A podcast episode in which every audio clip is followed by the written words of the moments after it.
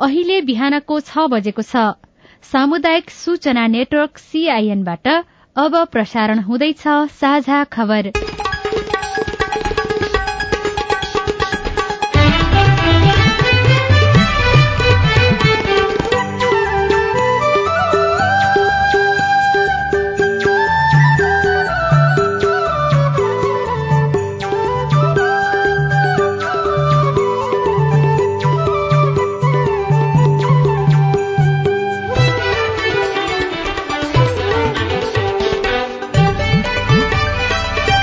शुभ प्रभात यो सीआईएनको साझा खबर हो। उषा तामाङसँगै लील प्रकाश चन्दको तपाईँलाई स्वागत छ। सामुदायिक रेडियोबाट देशैभरि एकैसाथ प्रसारण भइरहेको साझा खबर सीआईएन खबर डट कम र मोबाइल एप सीआईएनबाट पनि सुन्न सकिन्छ। आज दुई हजार उनासी साल पुष पच्चीस गते सोमबार जनवरी नौ तारीक सन् दुई हजार तेइस नेपाल सम्बत एघार सय त्रिचालिस माघ कृष्ण पक्षको तृतीय तिथि। साझा खबरमा प्रमुख खबरका शीर्षकहरू। सातै प्रदेशमा शक्ति बाँडफाँडको सहमति। प्रदेश एक गण्डकी र लुम्बिनीमा एमाले कर्णालीमा माओवादीले पाँचै वर्ष नेतृत्व गर्ने।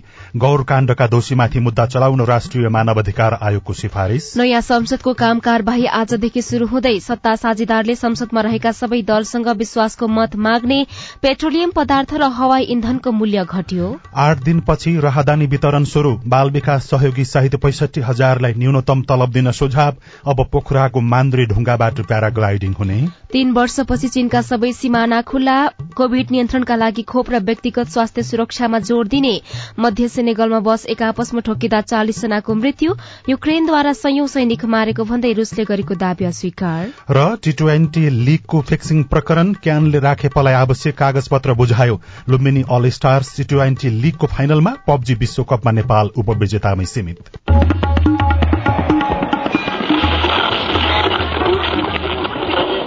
सयौं रेडियो हजारौं रेडियो कर्मी र करोड़ौं नेपालीको माझमा यो हो सामुदायिक सूचना नेटवर्क सीआईएन साझा खबरको सबैभन्दा शुरूमा सरकारमा रहेका राजनैतिक दलहरूले सातै प्रदेशमा शक्ति बाँडफाँडमा सहमति गरेको प्रसंग सत्ता साझेदार दलहरूले मुख्यमन्त्री र प्रदेश सभाका सभामुख उपसभामुखको भाग बण्डा गरेका छन्। प्रधानमन्त्री निवास बालुवाटारमा आइतबार साझा बैठक बसेर एमाले माओवादी राप्रपा जनमतले बाँडफाँड गरेका हुन् जसमा नागरिक उन्मुक्तिलाई पनि समावेश गराउन खोजिएको छ। सहमति अनुसार प्रदेश एक गण्डकी र लुम्बिनीमा एमाले तथा कर्णालीमा माओवादीले पाँचै वर्ष सरकारको नेतृत्व गर्नेछन्। बागमतीमा शुरूमा माओवादीले र सुदूरपश्चिममा शुरूमा एमाले सरकार चलाउने र अढ़ाई वर्षपछि अदल बदल गर्ने सहमति भएको छ। मधेसमा शुरूमा जसपा र पछि जनमतले सरकारको नेतृत्व पाउने भएका छन्। सरकारको नेतृत्व पाउने दलले सभामुख भने सहयोगी दललाई दिएका छन्। प्रदेश एकमा एमालेका मुख्यमन्त्री हुने भएकाले सभामुख माओवादी र उपसभामुख एमाले पाउनेछन् यो प्रदेशमा एमालेका हिक्मत कार्की आइतबार मुख्यमन्त्रीमा नियुक्त भइसक्नु भएको छ। त्रियानब्बे सदस्यीय प्रदेश सभामा एमालेका चालिस माओवादीका तेह्र राप्रपाका छ र जसपाका एक सहित कुल साठी सांसद पुग्छन्। मधेसमा शुरूमा सरकारको नेतृत्व गर्ने जसपाले संसदीय दल नेता चुन्न बाँकी छ। जसपाको नेता बन्न लालबाबु राउत सरोज यादव राम आशिष यादव बीच आज प्रतिस्पर्धा हुँदैछ।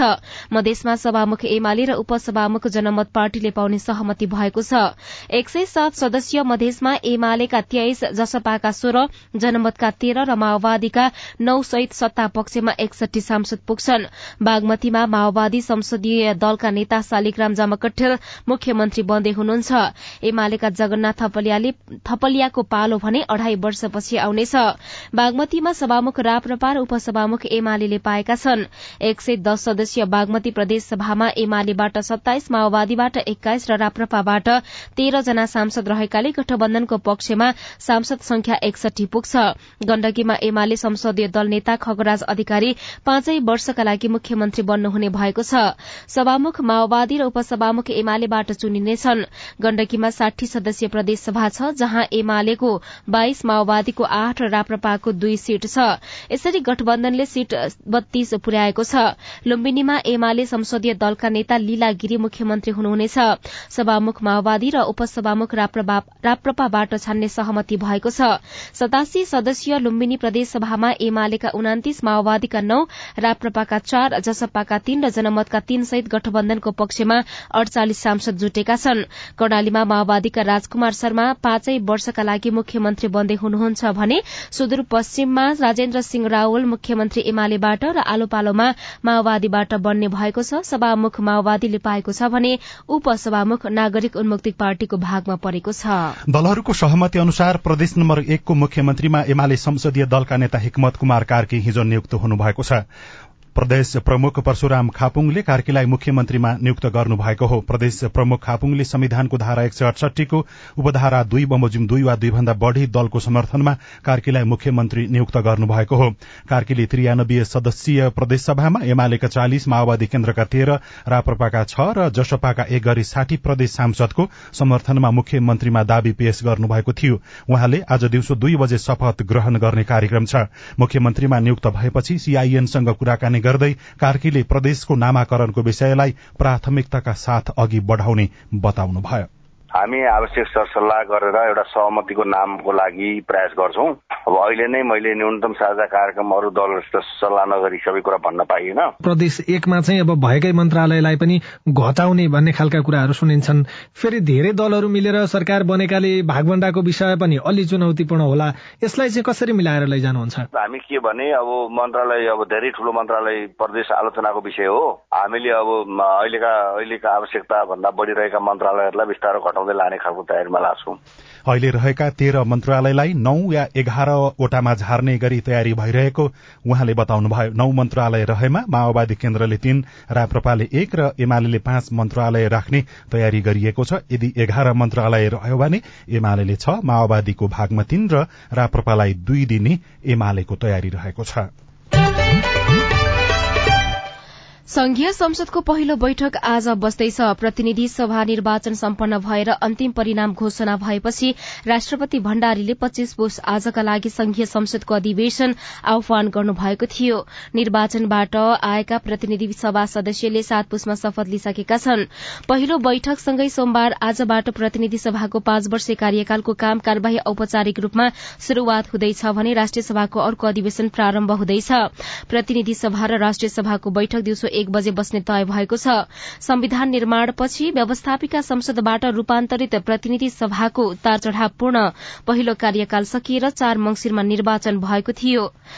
बैठकको तयारी समेत पूरा भएको संसद सचिवालयका सहायक प्रवक्ता दशरथ धमलाले सीआईएनलाई जानकारी दिनुभयो। संघीय संसद सचिवालयले अधिवेशनको तयारीको सम्बन्धमा गर्नुपर्ने कामहरू सबै सम्पन्न गरिसकेको छ। प्रशासनिक कामहरू व्यवस्थापकीय कामहरू प्राविधिक परीक्षणका कामहरू यी सबै कुराहरू सम्पन्न गरेको छ। केही नयाँ दलहरू निर्वाचित भएर आउनुभएको छ। उहाँहरूका संसदीय दलका कार्यालयको व्यवस्थापनदेखि लिएर अधिवेशनको सन्दर्भमा गर्नुपर्ने कामहरू पनि सम्पन्न गरेछ। यसै बीचमा प्रतिनिधि सभातर्फ कार्यव्यवस्था परामर्श समिति गठन नभएको सन्दर्भमा सर्वदलीय बैठक सम्पन्न भएको छ। त्यो बैठकले बैठकलाई कसरी सञ्चालन गर्ने भन्ने कुराहरू तय गरेको छ भने राष्ट्रिय सभातर्फ पनि कार्यव्यवस्था परामर्श समितिको बैठक सम्पन्न भएको छ। सचिवालयले गर्ने सम्पूर्ण कामहरू सम्पन्न गरिसकेको अवस्था छ। संघीय संसद सचिवालयले राजनैतिक दलहरूलाई सोधेर कुन पार्टी कुन बेन्च सत्तापक्ष वा प्रतिपक्षमा बस्ने भनेर सोधेको छ। दलहरूले दिएको जवाफका आधारमा प्रतिनिधि सभा भवनमा सीट व्यवस्थापन गरिएको छ। संसद सचिवालयका अधिकारीहरूका अनुसार एकीकृत समाजवादीले प्रतिपक्षी बेन्चमा बस्ने जानकारी गराएको छ। सरकारलाई विश्वासको मत दिने बताएको नागरिक उन्मुक्ति पार्टी पनि प्रतिपक्षी बेन्चमा बस्ने पार्टी अध्यक्ष रंजिता श्रेष्ठले जानकारी दिनुभयो। प्रधानमन्त्रीलाई विश्वासको मत आजै दिनुपर्ने नभएकाले हालका लागि आफूहरू प्रतिपक्षमा बस्ने निर्णय भएको श्रेष्ठले बताउनुभयो। जनमत पार्टी र नागरिक उन्मुक्ति पार्टी बीच कार्यगत एकताको घोषणा गरिएको छ। सत्ता साझेदार दलका शीर्ष नेताहरूको बैठकले सरकारका लागि संसदमा रहेका सबै दलसँग विश्वासको मत माग्ने निर्णय गरेको छ। प्रधानमन्त्रीको सरकारी निवास बालुवाटारमा हिजो बसेको बैठकले संयुक्त अपील मार्फत प्रचण्ड नेतृत्वको सरकारलाई विश्वासको मत माग्ने निर्णय गरेको हो। लोकतान्त्रिक समाजवादी पार्टी लोसपाले भने प्रधानमन्त्री प्रचण्डलाई विश्वासको मत दिने वा नदिने भन्ने बारेमा निर्णय गर्ने अधिकार अध्यक्ष महन्त ठाकुरलाई दिएको छ।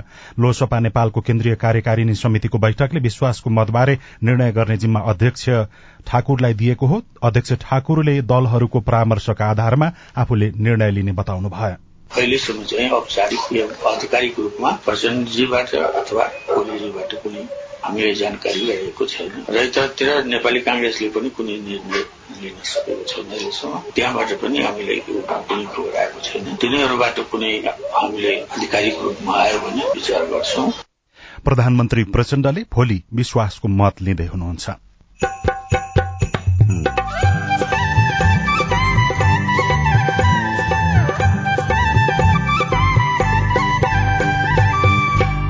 सामुदायिक सूचना नेटवर्क सीआईएन मार्फत देशभरि प्रसारण भइरहेको साझा खबरमा कृषि सम्बन्धी सरकारका कार्यक्रम प्रभावकारी नहुनुको कारण त्यो आवश्यकतासँग आवश्यकतालाई चाहिँ विश्लेषण गरेर यो चाहिँ योजना तर्जुमा गर्ने प्रक्रियामा हामी चाहिँ चुकेका छौँ है।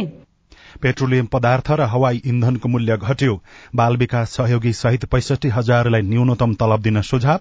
अब पोखराको मान्द्रे ढुङ्गाबाट प्याराग्लाइडिङ हुने लगायतका खबर बाँकी नै छन्। सीआईएनको साझा खबर सुन्दै गर्नुहोला। जाडो बेला हिमालयमा हिउँले चिसो पहाडमा तुसारोले मधेसीहरूले गाइने दाईको कामै हजुर सूचना र सन्देश दिने चिसोबाट क्यारी बस्ने सुन्नुहोस् गाउँछ हरले र्याई र्याई सारङ्गी तारा चिसोबाट जोगिनु हजुर। दिउँसो भन्दा साँझ बिहान चिसो हुन्छ धेर। न्यानो लुगा लगाएर हिँडौँ बाहिर फेर। बुढाबुढी बालबच्चाको विशेष ध्यान राखौँ। दमखोकी निमोनिया हुनबाट जोगाउँ। चिसो लाउला रोगले साताउला तातो पानी पिउनाले जोगाउला। कोइला बाली निदाउँदा निसासिने डर छ राम्रोसँग आगो निभाइ सुत्न जानु पर्छ तातो खानु झोलिलो पोसिलो न्यानो हुने उपाय सजिलो। सार्वजनिक हितका लागि सामुदायिक रेडियो प्रसारक संघ अकुरा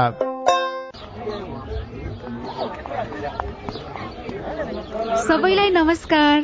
अध्यक्ष उपाध्यक्ष सदस्य सबै पो आउनुभएछ त। हामी त विपद व्यवस्थापनमा जनप्रतिनिधिको भूमिकाकै बारेमा पो छलफल गर्दै थियौं। अनि के छ निष्कर्ष सुनौ न त? बाढ़ी पहिरो भूकम्प लगायतका विपदको समयमा महिलाका समस्या सम्बोधन गर्न पालिकाले अझ धेरै काम गर्न सक्छ भन्ने हाम्रो बुझाइरह्यो। विपद सम्बन्धी स्थानीय नीति कानून मापदण्ड बनाउने र कार्यान्वयन अनुगमन नियमनको अधिकार स्थानीय सरकारलाई छ। त्यसमा महिलाको पनि सहभागिता बढाउनु पर्यो। पालिकाको अध्यक्ष मै छु। पाएको अधिकार अनुसार हामी बनेको कानून कार्यान्वयन गर्ने अनि आवश्यक कानून बनाउने चरणमै छौ। अब तपाईँका सुझाव पनि समेटिन्छन् है। विपदको तयारी र प्रतिकार्यका लागि पालिकामा रहेको संयन्त्र र योजना अनि नीतिहरू महिला बालबालिका अपाङ्गता भएका यौनिक अल्पसंख्यक समुदायका व्यक्तिको आवश्यकतामा आधारित हुनु पर्यो अध्यक्षज्यू। दिदी बहिनीहरूले सही कुरा उठाउनु भयो यहाँ उठेका सबै कुरा कार्यपालिकाको बैठकमा राख्ने प्रतिबद्धता जनाउँदै बरु अध्यक्षज्यू अहिलेसम्म बनेका कानून कस्तो बने? अनि भविष्यमा कस्तो बनाउने भन्ने बारे भोलि नै एउटा छलफल राखौं न हुन्न? विपद पहिले विपदको बेला र विपद पछि कस्तो नीति बनाउने र महिलालाई कसरी सम्बोधन गर्ने भन्ने बारेमा भोलि नै सर्वपक्षीय बैठक गरौं। आएका सुझाव समेटेर बनेका कानून संशोधन र नयाँ कानून बनाउन पालिका तयार छ। विपद सम्बन्धी कानून निर्माण र कार्यान्वयनमा महिलाको अर्थपूर्ण सहभागिता खोजौं। युएन उमनको सहयोगमा ल्याक र अकोराब नेपाल। सामाजिक रूपान्तरणका लागि यो हो सामुदायिक सूचना नेटवर्क सीआईएन तपाई अहिले देशभरिका सामुदायिक रेडियो सीआईएन खबर डट कम र मोबाइल एप सीआईएनबाट एकैसाथ साझा खबर सुन्दै हुनुहुन्छ। मोबाइल एप नेपाली पात्रोबाट पनि सीआईएनको साझा खबर सुनिरहनु भएको छ। अब बाँकी खबर। राहदानी विभागले राहदानी वितरणमा देखिएको समस्या समाधान भएको जनाएको छ। विभागले सूचना निकालेर राहदानीको आवेदन दिएकाले राहदानी तयार रहेको म्यासेज मोबाइलमा आएपछि वा नेपाल ई पासपोर्ट एपमा राहदानी तयार छ भन्ने जानकारी प्राप्त भएपछि राहदानी लिन सम्पर्क गर्न भनेको छ। विभागले प्रधानमन्त्री पुष्पकमल दाहाल प्रचण्डको निर्देशन अनुसार राहदानी प्राप्त गर्ने प्रक्रियालाई अझै चुस्त दुरूस्त एवं प्रभावकारी बनाउन आवश्यक प्रक्रिया अघि बढ़ाउने पनि स्पष्ट पारेको छ। प्रधानमन्त्री प्रचण्डले सरकारका सचिव तथा विभागीय प्रमुखहरूलाई निर्देशन दिँदै एक महिनाभित्र सेवाग्राहीले लाइनमा बस्नु पर्ने झन्झट र बेहोर्नु पर्ने समस्या सधैँका लागि अन्त्य गर्ने निर्देशन दिनुभएको थियो। अब आज काठमाडौँबाट प्रकाशित पत्र पत्रिकाको खबर गौर काण्डका दोषीमाथि मुद्दा चलाउन सिफारिश शीर्षकमा दिनेश गौतमले अन्नपूर्ण पोस्ट दैनिकमा लेख्नु भएको छ। गौर हत्याकाण्डको सोह्र वर्षपछि उक्त घटनामा मुछिएका एक सय तीस जनामाथि तत्काल छानबिन गरी दोषी उप मुद्दा चलाउन राष्ट्रिय मानवाधिकार आयोगले सिफारिश गरेको हो। जसमध्ये जाहेरी दरखास्तमा नाम उल्लेख भएका छैसठी र गौर घटना जाँचबुझ आयोगको प्रतिवेदन दुई हजार चौसठीले दोषी किटान गरेका चौसठी जना छन्। अनुसन्धानपछि दोषी उप अभियोग अभियोग दर्ता गरी शोको जानकारी गराउन र तीन तीन महिनामा प्रगति प्रतिवेदन पठाउन पनि आयोगले सरकारलाई भनेको छ। रौतहटको गौरमा दुई हजार त्रिसठी चैत सात गते झडप हुँदा सत्ताइस जना मारिएका थिए एक सय पन्ध्र जना घाइते भएका थिए। नयाँ पत्रिका दैनिकको भित्री पन्नामा विद्युत उत्पादनमा आकर्षित भएनन् चिनी उद्योग शीर्षकमा विमल मिलन विश्वकर्माले खबर लेख्नु भएको छ चौध चिनी उद्योग मध्ये एभरेस्ट र इन्दु शंकरबाट मात्रै तीन तीन मेगावाट उत्पादन लाइसेन्स समेत लिइसकेको रिलायन्स सुगर पछाडि हटेको खबरमा उल्लेख गरिएको छ। प्याराग्लाइडिङ विस्थापित नहुने अब पोखराको मान्द्रे ढुङ्गाबाट उडान गर्न पाउने शीर्षकमा रोहित राज पराजुलीले पोखराबाट लेख्नु भएको छ। पोखरामा तीन दशकदेखि सञ्चालन हुँदै आएको साहसिक मनोरञ्जनात्मक खेल प्याराग्लाइडिङ विस्थापित नहुने भएको छ। पोखरा अन्तर्राष्ट्रिय विमानस्थल सञ्चालनमा आएसँगै प्याराग्लाइडिङ उडानको भविष्यबारे अन्यल देखिएको थियो तर नियमनकारी निकायले प्याराग्लाइडिङ विस्थापन नगरी उडान क्षेत्र छुट्याइदिएको हो। पोखरा महानगर चौबिसमा पर्ने मान्द्रे ढुङ्गाबाट प्याराग्लाइडिङ उडान हुने भएको छ। अर्को खबर टोपलाल अर्यालले गुल्मीबाट लेख्नु भएको छ रेसुङ्गा नगरपालिका दश सिमी चौरकी उनाचास वर्षीय बसन्ता पुनले विमानस्थल निर्माण हुने भनेर पन्ध्र वर्ष अघि आफ्नो घर र बारी छाड्नुभयो। सातजनाको परिवार सहित घरबारी छाड्नु पुनलाई सजिलो थिएन तर जिल्लाकै गौरवको आयोजना बन्ने भएपछि पुन सहितका सत्र घर परिवारले घरबार र बारी छोडेका थिए। पाँच दशकदेखिको गुल्मीको सपना पूरा हुने स्थितिमा पुगेको छ। नियमित उडानको आशा गरिएको छ। हिजो त्यहाँ परीक्षण उडान सफल भएको छ। सबैजसो पत्र पत्रिकाले नेपाल आयल निगमले इन्धनको मूल्य घटाएको खबर छापेको छ। नेपाल आयल निगमले खाना पकाउने ग्यास बाहेक सबै इन्धनको मूल्य घटाएको छ। उच्च नाफा राखेर बिक्री गरेको भन्दै चौतर्फी आलोचना भएपछि निगम संचालक समितिको बैठकले पेट्रोल डिजल मट्टी तेल र हवाई इन्धनको मूल्य घटाएको हो। पेट्रोल डिजल र मट्टी तेलको मूल्य प्रति लिटर तीन रूपियाँका दरले घटाएको निगमले जनाएको छ। घटेको मूल्य आइतबार रातिदेखि लागू भएको छ। मूल्य समायोजनपछि पेट्रोलको मूल्य प्रति लिटर एक सय पचहत्तर रूपियाँ र डिजेल तथा मट्टी तेलको मूल्य एक सय बहत्तर रूपियाँ कायम भएको छ। हवाई इन्धनको मूल्य पनि घटाइएको छ। अन्तर्राष्ट्रिय उडानतर्फ हवाई इन्धनको मूल्य प्रति लिटर तीस रूपियाँ र आन्तरिक उडानतर्फ प्रति लिटर बीस रूपियाँ घटाएको निगमले जनाएको छ। आन्तरिकतर्फ हवाई इन्धनको मूल्य एक सय सत्तरी रूपियाँ र अन्तर्राष्ट्रिय उडानतर्फ प्रति लिटर एक दशमलव छ हजार चौसठी डलरबाट घटाएर एक दशमलव बयालिस डलर कायम गरिएको छ। खाना पकाउने एलपी ग्यासको मूल्य भने यथावत राखिएको छ। अन्नपूर्ण पोस्ट दैनिकमा मलेसियामा उन्नाइस नेपाली बन्धक शीर्षकमा हरिराम उप्रेतीले गोर्खाबाट लेख्नु भएको खबर छ रोजगारीको सिलसिलामा मलेसिया पुगेका उन्नाइस नेपाली आठ दिनदेखि बन्धक बनाइएका छन्। हङ टी चिकेन सप्लायर्स कम्पनीका प्रबन्धकले रौतहट घर भएका हिरालाल राउतलाई कुटपिट गर्दा विरोध गरेका उनीहरूलाई केलाङ शहर स्थित एक भवनको तेस्रो तलामा राखिएको खबरमा उल्लेख गरिएको छ गोर्खाको शहीद लखन गाउँपालिका छ घर भएका ठाकुर रेग्मीका अनुसार पच्चीस पच्चीस किलोका दुई बोरा एकैपटक उचाल्न नसकेको भन्दै पुष सत्रमा राउतमाथि कुटपिट भएको थियो। सहकर्मीमाथि भएको कुटपिटको विरोध गर्दा कामबाट निकाला गरिएको छ। हवाई इन्धनको मूल्य घट्यो तर टिकटको कहिले भन्ने प्रश्न सहितको खबर राजु चौधरीले लेख्नु भएको छ भित्रीपन्नामा सातै प्रदेशमा पुरूषको नेतृत्व शीर्षकमा तुफान नेउपाने लेख्नुहुन्छ। प्रदेश एकमा हिक्मत कार्की मुख्यमन्त्री नियुक्त। बागमतीमा शालिग्राम जमकटेल। गण्डकीमा खगराज अधिकारी। लुम्बिनीमा लीलागिरी।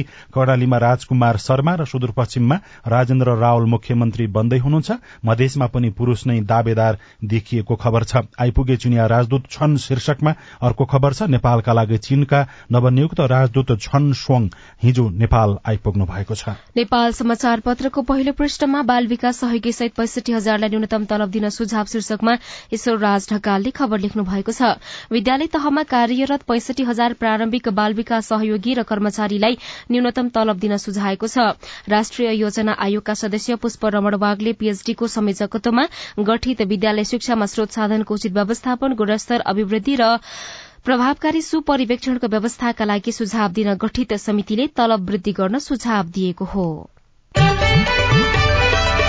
साझा खबरमा अब प्रश्नोत्तर श्रृंखला प्रस्तुत गर्दै हुनुहुन्छ सजना तिमल सिन्हा। सीआईएनको फेसबुक पेजमा साउदी जाने तयारी गरिरहनुभएका दार्चुलाको शैलेशिखर नगरपालिकाका हरि भट्टले कोरोनाको कोविडशील्ड लगाएको तर जोन्सोनको क्यूआर कोड मागिएको भन्दै अब जोन्सोनको क्यूआर कोड कसरी पाइन्छ भनेर आफ्नो समस्या लेख्नु भएको छ। हरिजी तपाईँको समस्या सुनेपछि स्वास्थ्य तथा जनसंख्या मन्त्रालयका सहप्रवक्ता डाक्टर समीर कुमार अधिकारी भन्नुहुन्छ। एउटा खोप लगाएको अर्को प्रमाणपत्र दिन सक्दैनौँ पनि दिँदैन। कोभिसिल्ड अथवा हामीले प्रयोग गरिरहेका जुन खोपहरू छन् त्यो खोपहरूको प्रमाणपत्र नमान्ने भन्ने खालको त्यस्तो खालको विशेष किसिमको जानकारी चाहिँ हामीलाई छैन। त्यसमाथि पनि तिनचोटि खोप लगाउँदा एकचोटि कोभिसिल्ड लगाएको छ भने पछि हामीसँग उपलब्ध भए अनुसारको फाइजरको खोप पनि लगाउन मिल्छ बुस्टर डोजको रूपमा। त्यसरी लगाउनु भएको छ भने पनि त्यो कार्डमा तिनटै खोप खुलेर आउँछ। त्यस्तो हुँदा समस्या नहुनु पर्ने हो। हाम्रो फेसबुक पेजमै नन्द रावलले दुई हजार पैंसठी सालमा मावि तहमा नियुक्त भई दुई हजार बहत्तर सालमा राजीनामा दिएको। अहिले सरकारले दिएको गोल्डन ह्याण्डसेक लिन योग्य छु कि छैन भनेर जिज्ञासा राख्नु भएको छ। तपाईँको जिज्ञासा मेटाइदिनका लागि हामीले शिक्षा तथा मानव स्रोत विकास केन्द्रका सूचना अधिकारी सुरेश कुमार जोशीलाई अनुरोध गरेका छौं। जुन त्रिहत्तर भन्दा अगाडिका शिक्षकहरू जसले कुनै सुविधा पाउनु भएको छैन र विस्थापित भएका थिए त्यस्ता शिक्षकहरूको लागि हो र त्यो सूचनामा क्लियर चाहिने त्यहाँ कुराहरू लेखिएको छ सबै। हाम्रो वेबसाइट र सम्बन्धित चाहिँ गोर्खापत्रमा समेत हामीले यो सूचना प्रकाशित गरेका छौँ। त्यही सूचनाको आधारमा जे जे चाहिने नियम र त्यहाँ शर्तहरू राखिएको छ त्यो शर्तको आधारमा पाउने हो। त्यसको निम्ति सम्बन्धित शिक्षा विकास समन्वय एकाइमा यहाँहरूले सम्पर्क गर्नु यस्तै राम बुढाले अहिले शिक्षा विभागले शिक्षकको सरुवा गर्न बन्द गरेको हो कि होइन भनेर प्रश्न गर्नु भएको छ। उहाँले जिल्ला शिक्षा समन्वय इकाइमा सम्पर्क गर्दा कार्यरत जिल्लाको इकाइले सहमति दिइसकेको तर सरुवा भई जाने जिल्ला इकाइले बन्द छ भनेर रोकिराखेको भन्दै आफ्नो गुनासो व्यक्त गर्नु भएको छ। तपाईँको गुनासो पनि हामीले शिक्षा तथा मानव स्रोत विकास केन्द्रका सूचना अधिकारी जोशीलाई नै सुनाएका छौं। शिक्षा विभागले सर्व गर्ने भन्ने होइन। त्यो भनेको त अहिले स्थानीय तह र त्यो चाहिँ इडिसी मार्फत चाहिँ हुने हो। त्यहीँबाट चाहिँ त्यो कुराहरू हुन्छ कि? म सुर्खेतबाट दिनेश बुढाथोकी बोल्दैछु। आर्ट क्लास पास गरेको दुई हजार पचहत्तर सालमा। अहिले चाहिँ खुल्लाबाट चाहिँ अन्य जिल्लाबाट चाहिँ इक्जाम दिन मिल्छ कि मिल्दैन एसी दिन भनेर मेरो चाहिँ राष्ट्रिय परीक्षा बोर्डलाई चाहिँ मेरो क्वेसन हो। जवाफ दिँदै हुनुहुन्छ राष्ट्रिय परीक्षा बोर्ड अन्तर्गत कक्षा दसको उपनियन्त्रक भक्त गोदार। उहाँले परीक्षा दिन चाहिँ मिल्छ तर चाहिँ यो वर्षको परीक्षा फारम भर्ने म्याच सकिसकेको छ। यदि उहाँले त्यो म्याचभित्र परीक्षा फारम भर्नु भएको रहेछ भने परीक्षा दिन सक्नुहुन्छ। तपाई जुनसुकै बेला हाम्रो टेलिफोन नम्बर शून्य एक बान्न साठी छ चार छमा फोन गरेर आफ्नो प्रश्न जिज्ञासा गुनासा अनि समस्या रेकर्ड गर्न सक्नुहुनेछ। साझा खबरमा अब विदेशका खबर। मध्य सेनेगलमा बस एक आपसमा ठोकिँदा चालिस जनाको मृत्यु भएको छ। मध्य सेनेगलको काफ्रिन नजिक दुईवटा बस एक आपसमा ठोकिँदा सतासी जना घाइते भएका छन्। स्थानीय समय अनुसार आइतबार बिहान भएको दुर्घटनामा चालिस जनाको मृत्यु भएपछि सेनेगलका राष्ट्रपति म्याकी सालले तीन दिनको राष्ट्रिय शोकको घोषणा गर्नुभएको छ। युक्रेनले रुसले संयौं सैनिक मारेको दावी अस्वीकार गरेको छ। रूसी रक्षा मन्त्रालयले युक्रेनको पूर्वी डोनेस्टस क्षेत्रको क्रामाटोरस्कमा रहेका तेह्र सय युक्रेनी सेनाका दुईवटा अस्थायी बेसमा मिसाइल आक्रमण गरेको बताएको थियो। सामूहिक क्षेपास्त्र आक्रमण गरी सयौं युक्रेनी सेनाको मृत्यु भएको रूसको दावीलाई युक्रेनले भने गलत भएको बताएको छ। र तीन वर्षपछि अर्थात सन् दुई हजार बीसको मार्चमा भ्रमणमाथि प्रतिबन्ध लगाइए यता चीनले पहिलो पटक आइतबारदेखि अन्तर्राष्ट्रिय पर्यटकहरूका लागि आफ्नो सिमाना खुल्ला गरेको छ। अबदेखि भने चीन प्रवेश गर्ने पर्यटकहरूले क्वारेन्टाइनमा बस्नुपर्ने छैन। यसैबीच चीनले फैलोदो कोविड उन्नाइसको संक्रमणको नियन्त्रणका लागि कोरोना विरूद्धको खोपको बुस्टर मात्रा लगाउनु पर्नेमा जोड़ दिएको छ। चीन सरकारले हाल त्यहाँ विस्तारित भएको सो संक्रमणको नियन्त्रण गर्न बुस्टरकै दोस्रो मात्रा लगाउनु पर्ने तथा हरेक व्यक्तिले व्यक्तिगत सुरक्षा अपनाउनु पर्ने जनाइएको छ। साझा खबरमा अब खेल खबर नेपाल क्रिकेट संघ क्यानले राष्ट्रिय खेलकुद परिषद राखेपमा आवश्यक कागजात हिजो बुझाएको छ। राखेपको छानबिन कार्यदल समितिले गत शुक्रबार क्यानलाई नेपाल टी ट्वेन्टी लीगको फिक्सिङ सम्बन्धमा चौविस घण्टाभित्र आवश्यक सबै कागज पत्र बुझाउन पत्र काटेको थियो। क्यान कार्यवाहक सचिव मल्लले आईसीसीको भ्रमण टोलीले दुई दिनसम्म गरेको अनुसन्धानमा बोर्डप्रति सकारात्मक रहेको पाएको पनि जानकारी दिनुभएको छ। क्यान स्रोतका अनुसार एभरेस्ट प्रिमियर लीग यूपीएलमा समेत स्पट फिक्सिङ र म्याच फिक्सिङको प्रस्ताव हुने गरेको खुलासा भएको छ। र टी ट्वेन्टी क्रिकेट सुपर लीगमा स्पट फिक्सिङको आशंका भएपछि नेपाल प्रहरीको केन्द्रीय अनुसन्धान ब्यूरो सीआईबीले नेपाली सहित सात खेलाड़ीलाई उच्च निगरानीमा राखेको छ। Lumbini all stars Nepal T twenty लीगको फाइनलमा प्रवेश गरेको छ। किर्तिपुर स्थित त्रिवी क्रिकेट मैदानमा हिजो जनकपुर रोयल्समाथि छ रनको रोमाञ्चक जित निकाल्दै लुम्बिनी पहिलो संस्करणको उपाधि नजिक पुगेको हो। जनकपुरले दोस्रो पटक फाइनल प्रवेशको अवसर पाउनेछ। इलिमिनेटर विजेतासँग जनकपुरले मंगलबार दोस्रो क्वालिफायर खेल्नेछ। आज हुने इलिमिनेटर इलिमिनेटरमा विराटनगर सुपर किङ्स र काठमाडौँ नाइट्स बीच प्रतिस्पर्धा हुने भएको छ र नेपाली टोली पब्जी मोबाइल विश्वकप च्याम्पियनशीपमा उपविजेता बनेको छ। इण्डोनेसियामा भएको खेलमा नेपालको डीआरएस टोली टर्कीको एस टू जी सँग पराजित भएको हो। किसानका लागि बनाइने योजना र कार्यान्वयनमा देखिएको समस्या रेडियो कुराकानी अरू खबर र कार्टुन पनि बाँकी नै छ। सीआईएनको साझा खबर सुन्दै गर्नुहोला। सीआईएनको साझा खबर अब नेपाली पात्रोमा पनि। स्थानीय राष्ट्रिय तथा अन्तर्राष्ट्रिय समाचार नेपाली एफएम तथा अनलाइन रेडियोहरू एकै ठाउँमा सुन्न तिथि मिथि तथा पञ्चाङ्ग सम्बन्धी सबै जानकारी लिन। अन्तर्राष्ट्रिय मुद्राको नेपाली विनिमय दर सुन चाँदीको दर भाव मौसम सम्बन्धी सूचना र सार्वजनिक विधा बारेको जानकारी लिन पनि। नेपाली पात्रो अब तपाईँको मोबाइलमा। सामाजिक रूपान्तरणका लागि यो हो सामुदायिक सूचना नेटवर्क सीआईएन साझा खबरमा अब किसानका लागि बनाइने योजनाका कुरा। नेपालका त्रिसठी प्रतिशत नागरिक कृषि पेसामा आबद्ध छन्। उनीहरू हरेक वर्ष मलबिउ विषादी र बजार जस्ता समस्या झेलिरहेका छन्। सरकारले बनाउने योजना र किसानका समस्याको तालमेल किन मिल्दैन? साथी अविनाश आचार्यले राष्ट्रिय किसान आयोगका अध्यक्ष जीवन्ती पौडेललाई सोध्नु भएको छ। सबभन्दा पहिला त किसानहरूको चाहिँ वर्गीकरण सहितको परिचय पत्र हुन जरुरी छ त्यो भएको छैन। बजेट घोषणा गर्दै गर्दा किसानको वर्गीकरण गरेर त्यही अनुसारको परिचय पत्र दिने भन्ने खालका कार्यक्रमहरू ल्याइरहन्छन्। फेरि त्यो वर्गीकरणमा परिचय पत्र वितरणमा समस्या चाहिँ कहाँ छ? केही केही ठाउँमा चाहिँ शुरू भएको छ र केही स्थानीय सरकार स्थानीय निकायहरूलाई केन्द्र सरकारले चाहिँ बजेट पनि पठाएको छ होइन? त्यो एकदमै थोरै छ। बढीमा तीन लाख कहीँ कति कहीँ कति त्यस्तो छ। र अनि केही ठाउँमा चाहिँ अरू गैर सरकारी क्षेत्रहरूले पनि सपोर्ट गरेका ठाउँहरूमा वर्गीकरण सहितको परिचय पत्र वितरण गर्ने कामको चाहिँ शुरूआत भएको छ।